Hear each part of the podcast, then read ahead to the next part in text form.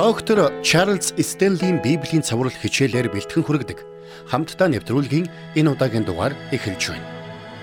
Өнөөдөр бид хамтдаа үнэн таныг чөлөөлнө гэсэн сэдвээр үргэлжлүүлэн ярилцах болно. Үнэн үнэхээр биднийг чөлөөлөх хүчтэй юм.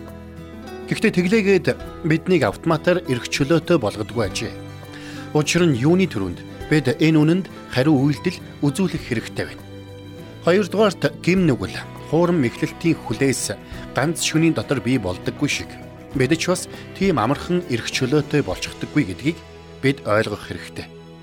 Тиймээс бид ариун сүнс өөрийн үннийг бидний амьдралд асхан буулгахыг зөвшөөрөх хэрэгтэй. Бас зарим тохиолдолд үр дүн урт хугацааны явцад гарах болно гэдгийг ойлгох хэрэгтэй. Ингээд хамтдаа Бурхны үгийн үннээс суралцаж эрх чөлөөг хүлээн авцгаая.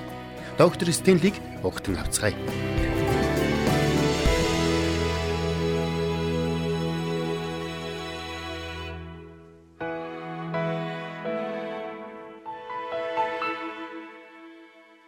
Хамтдаа үнэн таныг чөлөөлнө хэмээх цуврал хичээлээ үргэлжлүүлэн үндэцгээе. Энэ хичээлийн хүрээнд бид Шин гэрэний Йохан ном Йоханы 8 дугаар бүлгийн 30 31 дугаар ишлэлийг голчлон судалж байгаа билээ. Тиймээс би танд Иохны 8 дугаар бүлгийн 30 31 дугаар ишлэлийг дахин сануулъя. Есүс өөрт нь итгэсэн евдээчүүдэд хэрв та нар үгэн дотор минь байвал үнэхээр миний дагалдагчд байна. Тэгээ та нар үннийг ойлгож үнэн та нарыг чөлөөлнө гэв. Бид өдөр тутмын амьдралдаа өөрийгөө голох, өөртөө эргэлзэх, өөрийгөө дорд үзэх гих мэтчлэн сөрөг мэдрэмжүүдтэй үргэлж нүүр тулж байдаг юм. Энэ бүхнээс болоод урам хугарах, санаа зовох, эргэлзэж танигилзэх айдас төгшүрт автах гэдэл сөрөг мэдрэмж бүрт бид үргэлж автаж байдаг юм. Тэрч бүхэл Есүс Христэд итгэж авралыг авсан гэдэгтээ эргэлзээгүй итгэдэг хүмүүс хүртэл энэ мэдрэмжээс болоод итгэлийн амьдралдаа урам зоригтой, баяр хөөртэй, сэтгэл хангалуун амьдарч чаддаггүй юм. Тэгвэл Есүс Христэд итгэж авралыг авсан атлаа бид яагаад тэр бүр Бурхны хүссэн тэрхүү ялгуулсан амьдралаар амьдрч чаддаггүй байна вэ? Биднийг энэхүү ялалтаар дүүрэн амьдралаар амьдрахад туслах гурван чухал зүйлийг би танд сануулan хэлмээр байна. Эхнийх нь Есүс Христийн доторх бидний байр суурь юм. Жишээ нь хин нэгэн хүн сонгуульд ялж улсынхаа өндөрдөгч нь болбол тэр маш их эрх мэдэл бүхий байр сууринд очно гэсэн үг. Тэгвэл үүний нэгэн адил бид Есүс Христэд итгэсэн тэрл мөчөд ариун сүнсээр дамжуулан Есүс Христ рүү баптизм хүртсэн. Энэ бол бидний цоо шин байр суурь юм. Тиймээс бид юуны төрөнд бидний байр суурь бол Есүс Христийн дотор байгаа гэдгийг сайтар ойлгох нь чухал юм. Хоёрдугаарт Есүс Христийн дотор бид яг хин юм бэ гэдгээ ойлгох нь маш чухал байна. Өөрөөр хэлбэл бид Есүс Христийн доторх цоо шин байр суурийнхаа улмаас хэн болж хувирсан юм бэ? Бид яг одоо хэн байгаа юм бэ? гэдгийг бид сайтар ойлгох учиртай. Тэгвэл Библиэд биднийг Бурхны ариун хүмүүс Христийн элчин сайдуд гэх мэтэр тодорхойлсон байдаг. Биднийг Есүс Христийн дотор хэн болохыг тодорхойлсон өөр олон нэршлиг бид Библиэс олж уншиж чадна. 3 дугаарт бид Христийн дотор ямар баялагийг, ямар өвийг, ямар ивэл өрөөлүүдийг хүлээн авсан бэ гэдгээ ойлгох ёстой юм. Энэ бол хожим мөнхийн усад очиод авах өвийн тухай биш. Харин Христийн дотор аль хэдийн хүлээн авсан тэр сүнслэг баялаг сүнслэг өвийн тухай ярьж байгаа гэдгийг та санаарай. Тэгэхээр бид Христийн доторх байр суурь, Христийн доторх мөн чанар, Христийн доторх сүнслэг өв гэсэн энэ гурван чухал ойлголтыг сайн ойлгосон тэр цагт бид өөрийгөө чамлаж, өөрийгөө голж, өөрийгөө дутуу үнэлдэг тэр бүх мэдрэмжүүдээсээ чөлөөлөгдөх болно. Учир нь тэр цагт бид өөрсдийгөө үнцэнгүй гэж үзэх ямар ч шалтгаан шалтгаан байхгүй гэдгийг ухаарах болно. Ингээд хамтдаа цаашаа Эфес номын 1-р бүлгийн 14-ийг гаргаад харъя. Илч Паулинд инхүү хэлсэн байна. Тэр нь бидний эзэмшлийн золилт хүртэл бидний өвийн батлан даагч болж түүний алдрыг магтуулахын тулд юм а гэсэн байна. Бурхан эцэг бидэнд Есүс Христээр дамжуулаад Тэнгэрлэг оршихуудах бүхий л сүнслэг ёроолөө бидэнд аль хэдийн өгсөн. Түгээр зогсохгүй Тэр биднийг Есүс Христтэй хамт өв залгамжлагч болгож тэр бүх өвөө ирээдүйд өгөх бус харин энэ дэлхий дээрх амьдралын хугацаанд минь бидэнд өгсөн байна. Тэгвэл 2 дугаар Петрийн 1-р бүлэгт Илч Петр Христийн дотор бидэнд өгөгдсөн зүйлсийн талаар дэлгэрэнгүй өгүүлсэн байдаг юм. Ингээд хамтдаа 2 дугаар Петр номын 1-р бүлгийн 1-ээс 4-р эшлэгийг харъя.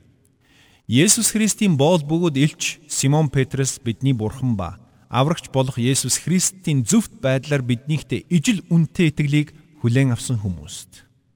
Бурханыг болон бидний эзэн Есүсийг мэдснээр та нарт нэгүсэл ба амар амгалан улам арвижиг алдар ба давуу чадлаараа биднийг дуудсан. Түүний жинхэнэ мэдлэгээр дамжин бурхан хүч нь бидэнд ам болоод итгэл сүсэгт хамаатай бүхнийг сойрхсон. Үүгээр тэр бидэнд үнтэй бөгөөд гайхамшигтай амлалтуудаа сойрхов.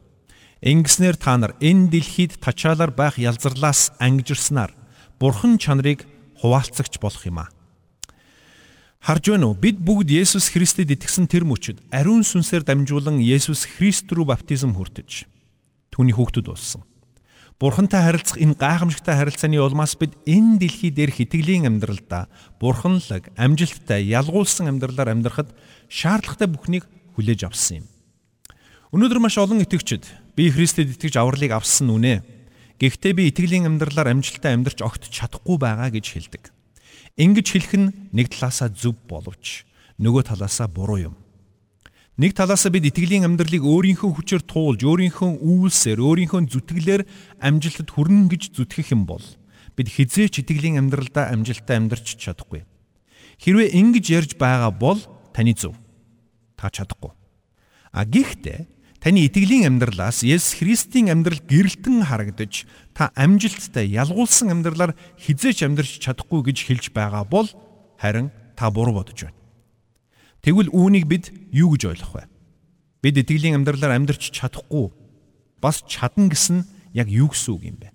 Энэ нь өөрсдийн хүчээр бид чадахгүй. Харин Бурхны хүчээр бол чаднаа гэсэн утгатай юм. Хамтаа сая унсан 2 дугаар Петрийн 1-ийн 3-ыг харъя да. Ингэсэн байна. Алдар ба давуу чанараараа биднийг дуудсан түүний жинхэнэ мэдлэгээр дамжин Бурхан хүч нь бидэнд ам болоод итгэл сүсэгт хамаатай бүхнийг сойрхсан юм а гэсэн байгаа.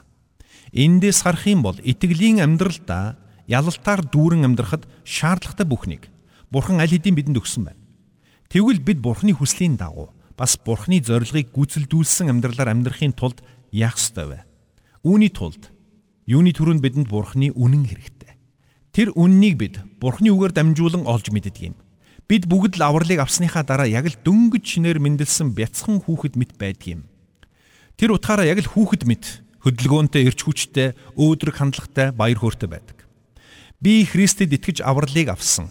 Би Есүс Христийн сайн мэдээг дэлхийд даяар тунхаглах болно хэмээн тунхагладаг. Гэвч явцын дунд тэдний итгэлийн амьдралд ямар нэгэн зүйл буруугаар эргэж эхэлдэг. Дэлхийн ертөнц бүхэлдээ түүний эсрэг байгаа ч юм шиг санагдаж эхэлдэг юм. Итгэлийн амьдралын замдаа унаж босон бүдчиж нэг л мэдхэд ямар ч эрч хүчгүй, урам зориггүй нэгэн болон хувирсан байдаг. Тэгвэл яагаад маш олон итгэгчдэд ийм зүйл тохиолдод юм бэ? Яагаад гэвэл тэднийг Есүс Христэд итгэх үед тэдэнд ямар гайхамшигтай зүйлс өгөгдсөн болохыг хинч тэдэнд анханасаа хэлж өгөөгүй байдаг юм. Гэтэл биднийг Есүс Христэд итгэсэн тэр мөчөд Бурхан бидний итгэлийн амьдралд хэрэгцээтэй бүхнийг өгч гсэн юм шүү дээ. Тэгвэл бидний итгэлийн амьдралд юу хэрэгтэй юм бэ? Бидэнд ариун сүнсний хүч чадал хэрэгтэй. Бидэнд итгэл хэрэгтэй. Ухаарал хэрэгтэй. Бурхны үнэн хэрэгтэй. Тэгвэл бидэнд хэрэгтэй энэ бүхнийг Бурхан аль хэдийн бидэнд өгсөн гэдгийг бид ойлгох нь чухал юм.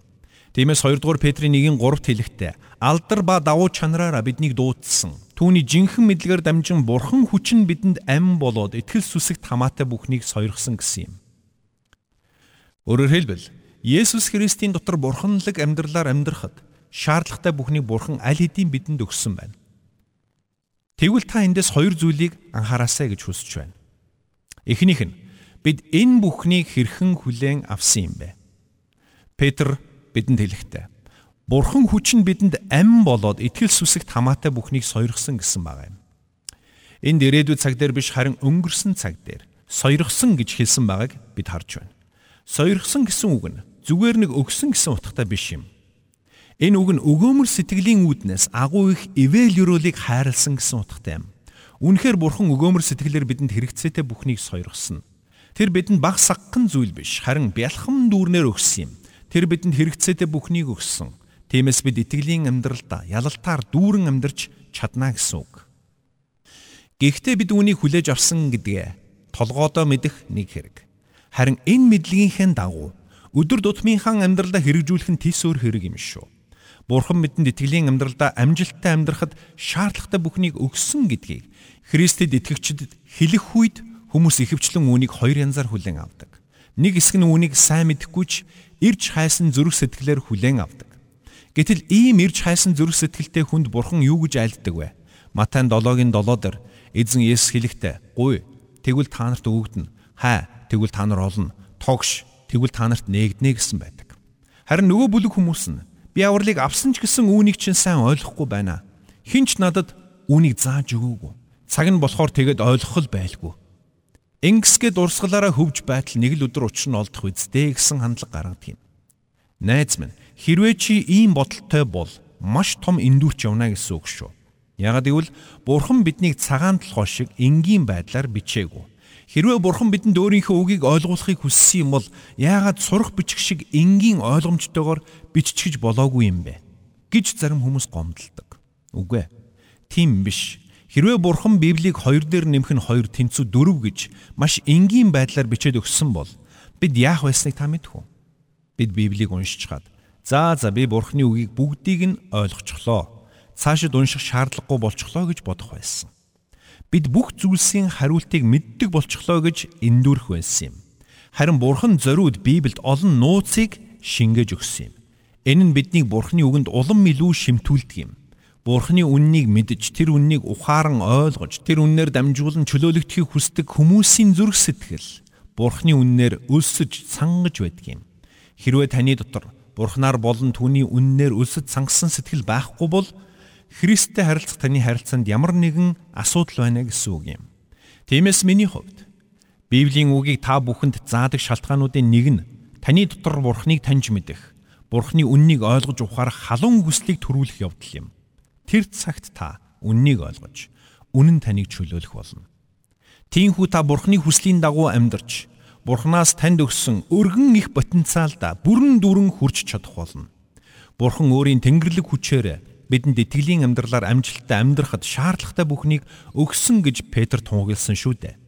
Тэгвэл тэр бүхнийг бид өдөр тутмын амьдралдаа хэрхэн авч хэрхэн итгэлийн амьдралаар амжилттай алхах вэ? Дахин сануулъя. 2 дугаар Петрийн 1-3-ыг хараарай. Алдар ба давуу чанараараа биднийг дуудсан түүний жинхэнэ мэдлэгээр дамжин бурхан хүчин бурхан хүчин бидэнд ам болоод итгэл сүсэгт хамаатай бүхнийг сойрхсан юм а гэсэн. Яаж тэр вэ? Алдар ба давуу чанараараа биднийг дуудсан түүний жинхэнэ мэдлэгээр гэж хэлсэн байна энд. За тэгвэл энэ нь юу гэсэн үг болохыг би танд тайлбарлаж өгье. Бурхан бидний хүн нэг бүрд Христийн дотор бурханлаг амьдралаар амьдрахад шаардлагатай бүхнийг өгсөн байна. Харин энэ нь бидэнд Есүс Христийг мэдэх мэдлэгээр дамжин ирдэг байна. Тиймээс ч Христ алдар болон давуу чанараараа биднийг энхүү жинхэнэ мэдлэг рүү дуудсан байна. Өнөөдөр ч бурхан хүмүүсийг өөртөө дуудсаар байна. Би чамайг хайр, инэрл, сайн сайхан, өршөөл, нэгүсэл, өгөөмөр сэтгэлийнхээ үднээс мөнхийн аврал руу дуудаж байна. Би чамайг байгаагаар чинь хүлээн авч чамайг зольж, чамтай эвлэрч, чамайг цоошин бүтээл болгохын тулд өрн дуудаж байна хэмээн бурхан биднийг дууддаг юм. Хэрвээ та Есүс Христийг хараахан аврагчаа болгон хүлээн авч амжаагүй байгаа бол Бурхны энэ дуудлагыг хүлээн авч түүнд итгэхгүй гэж юу? Учир нь Бурхны дуудлагыг хүлээн авах үед Бурхан таныг байгаагаар чинь хүлээн авч таныг алхам алхмаар өөрчлөх болно. Тэр таны гим нүглийг уучлж танд цоо шин амьдралыг өгч таныг өөрийгөө голсон, өөрийгөө чамлсан, өөрийгөө үнцэнгүй хүнд ч хэрэггүй гэж бодсон тэрл бодлуудаас чинь чөлөөлөх болно. Та Бурхны энэ дуудлагыг хүлээн авснараа юу ч алдахгүй шүү дээ. Таныг Есүс Христэд итгэсэн тэрл мөчөд Бурхан энэ бүх ивэлийг танд үнэнгүй өгөх болно. Та үүний төлөө ямар нэгэн төлөөсийг төлөх шаардлагагүй. Таны ямар ч сайн үйлс үүнийг танд худалдан авч өгч чадахгүй. Зарим хүмүүс би Христэд итгэж болсон ч Христэд итгэж хүмүүс шиг амьдарч чадахгүй байна гэж хэлдэг. Ягд гэвэл тэд өөрсдийгөө яаж чичээсэн итгэлийн амьдралаар амьдарч чадахгүй гэж боддог. Гэтэл бидний Христэд итгэж авралыг авах үед бидэнд итгэлийн амьдралаар амжилттай амьдрахад шаардлагатай бүхнийг Бурхан өгдөг гэдгийг Библи бидэнд батлан хэлж байна. Гэхдээ бид ийхүү бурханлаг амьдралаар амьдрахын тулд бидэнд яг чухам юу өгсөн юм бэ гэдгийг сайн мэддэг байх учиртай. Бас тэр бүхнийг өдөр тутмын амьдралдаа хэрхэн хэрэглэх вэ гэдгээ сурч мэдсэн байх учиртай. Илч Петр цааш нь үргэлжлүүлээ дөрөвдүгээр эшлэлд ийхүү өгүүлсэн байна. Үүгээр тэр бидэнд үнэтэй бөгөөд гайхамшигтай амлалтуудаа сойрхов. Ингэснээр та нар энэ дэлхийд тачаалаар байх ялзарлаас ангижирснаар бурхан чанарыг хуваалцагч болох юм а гэсэн байна. Харж байна уу? Петрийн хэлэхдээ үнтэй бөгөөд гайхамшигтай амлалтуудаа сойрхов гэсэн байна. Үүнхээр бурхан бидэнд итгэлийн амьдралдаа ялалт байгуулж, бурханлаг амьдралаар амжилттай амьдрахад шаардлагатай бүхнийг бидэнд өгч, түүгээр зогсохгүй бидэнд үнтэй бөгөөд гайхамшигтай амлалтуудаа хүртэл өгсөн юм. Хэрвээ энэ үгс үнэхээр үний юм бол та юунд санаа зовно вэ? Учир нь бурхан бидэнд хэрэгтэй бүхнийг нь аль хэдийн өгчихсөн байна шүү дээ. Бурхан бидэнд үнэтэй бөгөөд гайхамшигтай амлалтуудаа өгөх болно гэж хэлээгүй. Харин аль хэдийн сойрхсон гэж хэлсэн юм. Бурхан өөрийн төгс мэдлэг, төгс мэрэгэн ухаанаараа бидэнд хэрэгтэй бүхнийг бэлдэж, бидэнд өгөө зогсохгүй. Гайхамшигтай амлалтуудаа хүртэл бидэнд өгсөн юм. Бид энэ бүх ивэл өрөөлүүдийг Есүс Христэд итгэсэн тэрл мөчөд нэг мөсөн хүлээж авсан юм. Есүс Христэд итгэсэн тэр мөчөд Бурхан тэр бүх ивэл өрөөлүүдийг бидний дансруу алидийн шилжүүлсэн гэсэн үг. Петрийн зүгээр нэг амлалтууд гэж хэлээгүй. Харин үнтэй бөгөөд гайхамшигтай амлалтууд гэж хэлсэн юм. Петрт энэ бүх үгсийг бичих санааг Бурхан өөрөө өгсөн. Хэрвээ тийм юм бол эдгээр амлалтуудыг Бурхан өөрөө үнтэй бөгөөд гайхамшигтай гэж тодорхойлсон гэсэн үг. Хэрвээ эдгээр амлалтуудыг хүн биш, Бурхан өөрөө үндсэнтэй гэж тодорхойлсон юм бол тэр амлалтууд үнэхээр үгээр илэрхийлшгүй үндсэнтэй амлалтууд байна л гэсэн үг.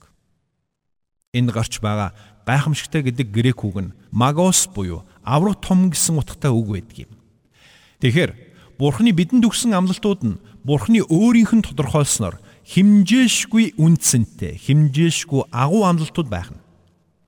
Бурхан бидэнд энэ бүхнийг аль хэдийн өгсөн учраас Энэ бүхэн яг л одоо бидэнд байгаа бидний баялаг гэсэн үг. Энэ бол Бурхны нэгүслийн үр дүн. Бурхан өөрийн нэгүслийн улмаас өөрийн агуу хүч чадлаараа та бидэнд хүрч Библиэд бичигдсэн үндсэнтэй бөгөөд гайхамшигтай амлалтуудаа бидэнд өгсөн юм. Эдгээр амлалтууд нь зүгээр нэг амлалтууд биш, харин химжээшгүй үндсэнтэй, химжээшгүй агуу амлалтууд юм. Үнэн дээр бидний дунд тэр агуу амлалтуудыг хүртэх зохистой хүн нэг ч үгүй байсан. Гэсэн ч бурхан сулдроо зохисгүй бидэнд агуу амлалтуудаа химжээшгүй хэмжээгээр бидэнд өгсөн юм. Тиймээс бидний хувьд аль хэдийн хүлээн авсан тэр бүх амлалтуудын дагуу итгэлээрээ тунхаглаж тэр бүх амлалтуудыг итгэлээрээ хүлээн авах учиртай. Үүний тулд бид Бурхны үгийг уншиж өөрт тулгарсан хэрэгцээнийг бүрээ Бурхны үгэн дэх амлалтуудтай холбож авч үзэх хэрэгтэй. Тиймээс та Бурхны өмнө очиод эзэн минь та миний бүх хэрэгцээг хангаж өгөх болно гэж амласан. Тэгвэл надад ийм хэрэгцээ тулгараад байна. Та надад өгөөч гэж залбирах хэрэгтэй. Тэгээд та Библийг нэгэд уншаарай. Тэр цагт Бурхан таны хэрэгцээг үнэхээр хангасан болохыг та ойлгох болно. Гэхдээ Бурхан зарим тохиолдолд бидний амьдралд зовлон бэрхшээл, бартаа саадыг зөвшөөрдөг гэдгийг бид ойлгох ёстой. Яагаад тэрвэ? Яагаад гэвэл бид уруу татлаг, сорилт, саад бэрхшээл, өвчин зовлон туулахгүй юм бол Бурхны хүч чадлыг хизээж бүрэн дүүрэн ойлгож ухаарч чадахгүй. Тиймээс зовлон бэрхшээлээс бүү зүхт.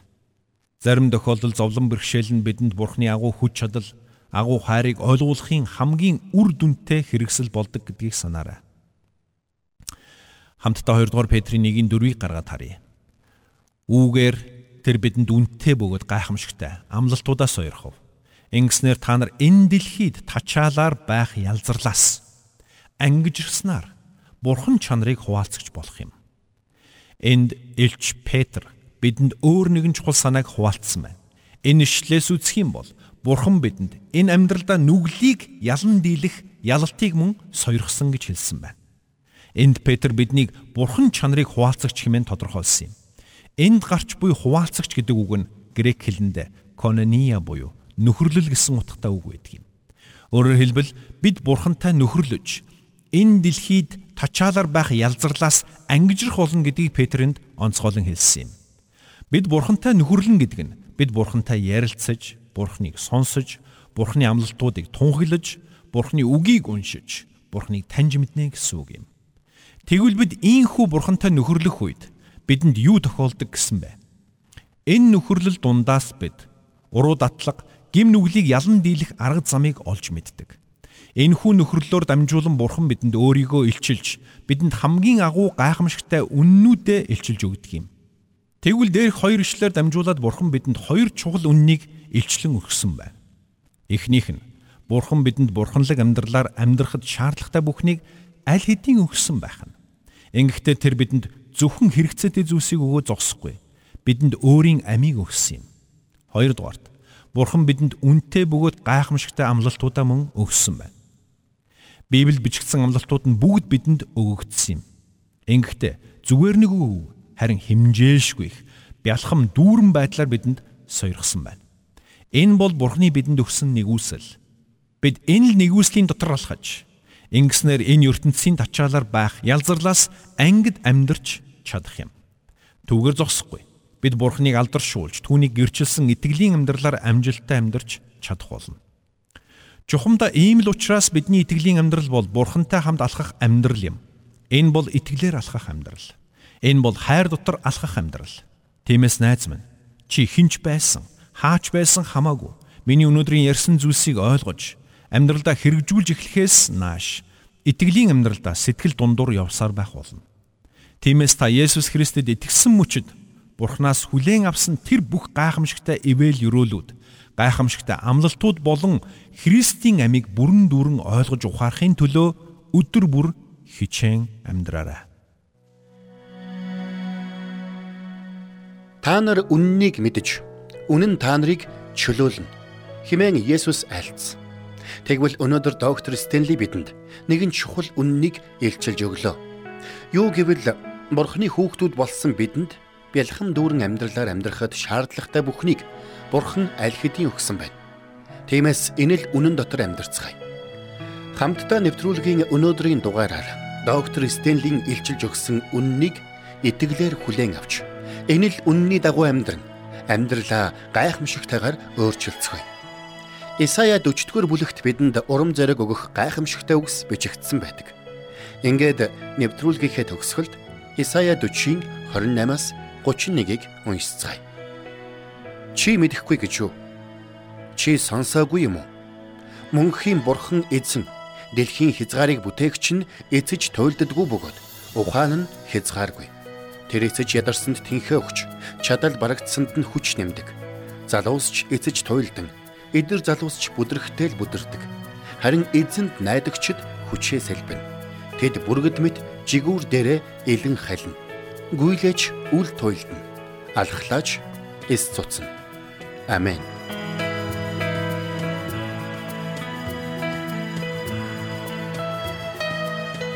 Бурханд тэмүүлсэн сэтгэл хүмүүсийг энэрх зөрхөөр амьдрахад туслах номлогч доктор Чарлз Стенлигийн хамттай нэвтрүүлэг сонсогч танд хүрлээ. Нэвтрүүлгийг дахин сонсохыг хүсвэл ихтгэл радиоцик.com-оор зочлоорой. Бидэнтэй холбогдохыг хүсвэл 8085 99 тэгтэг дугаард 한달에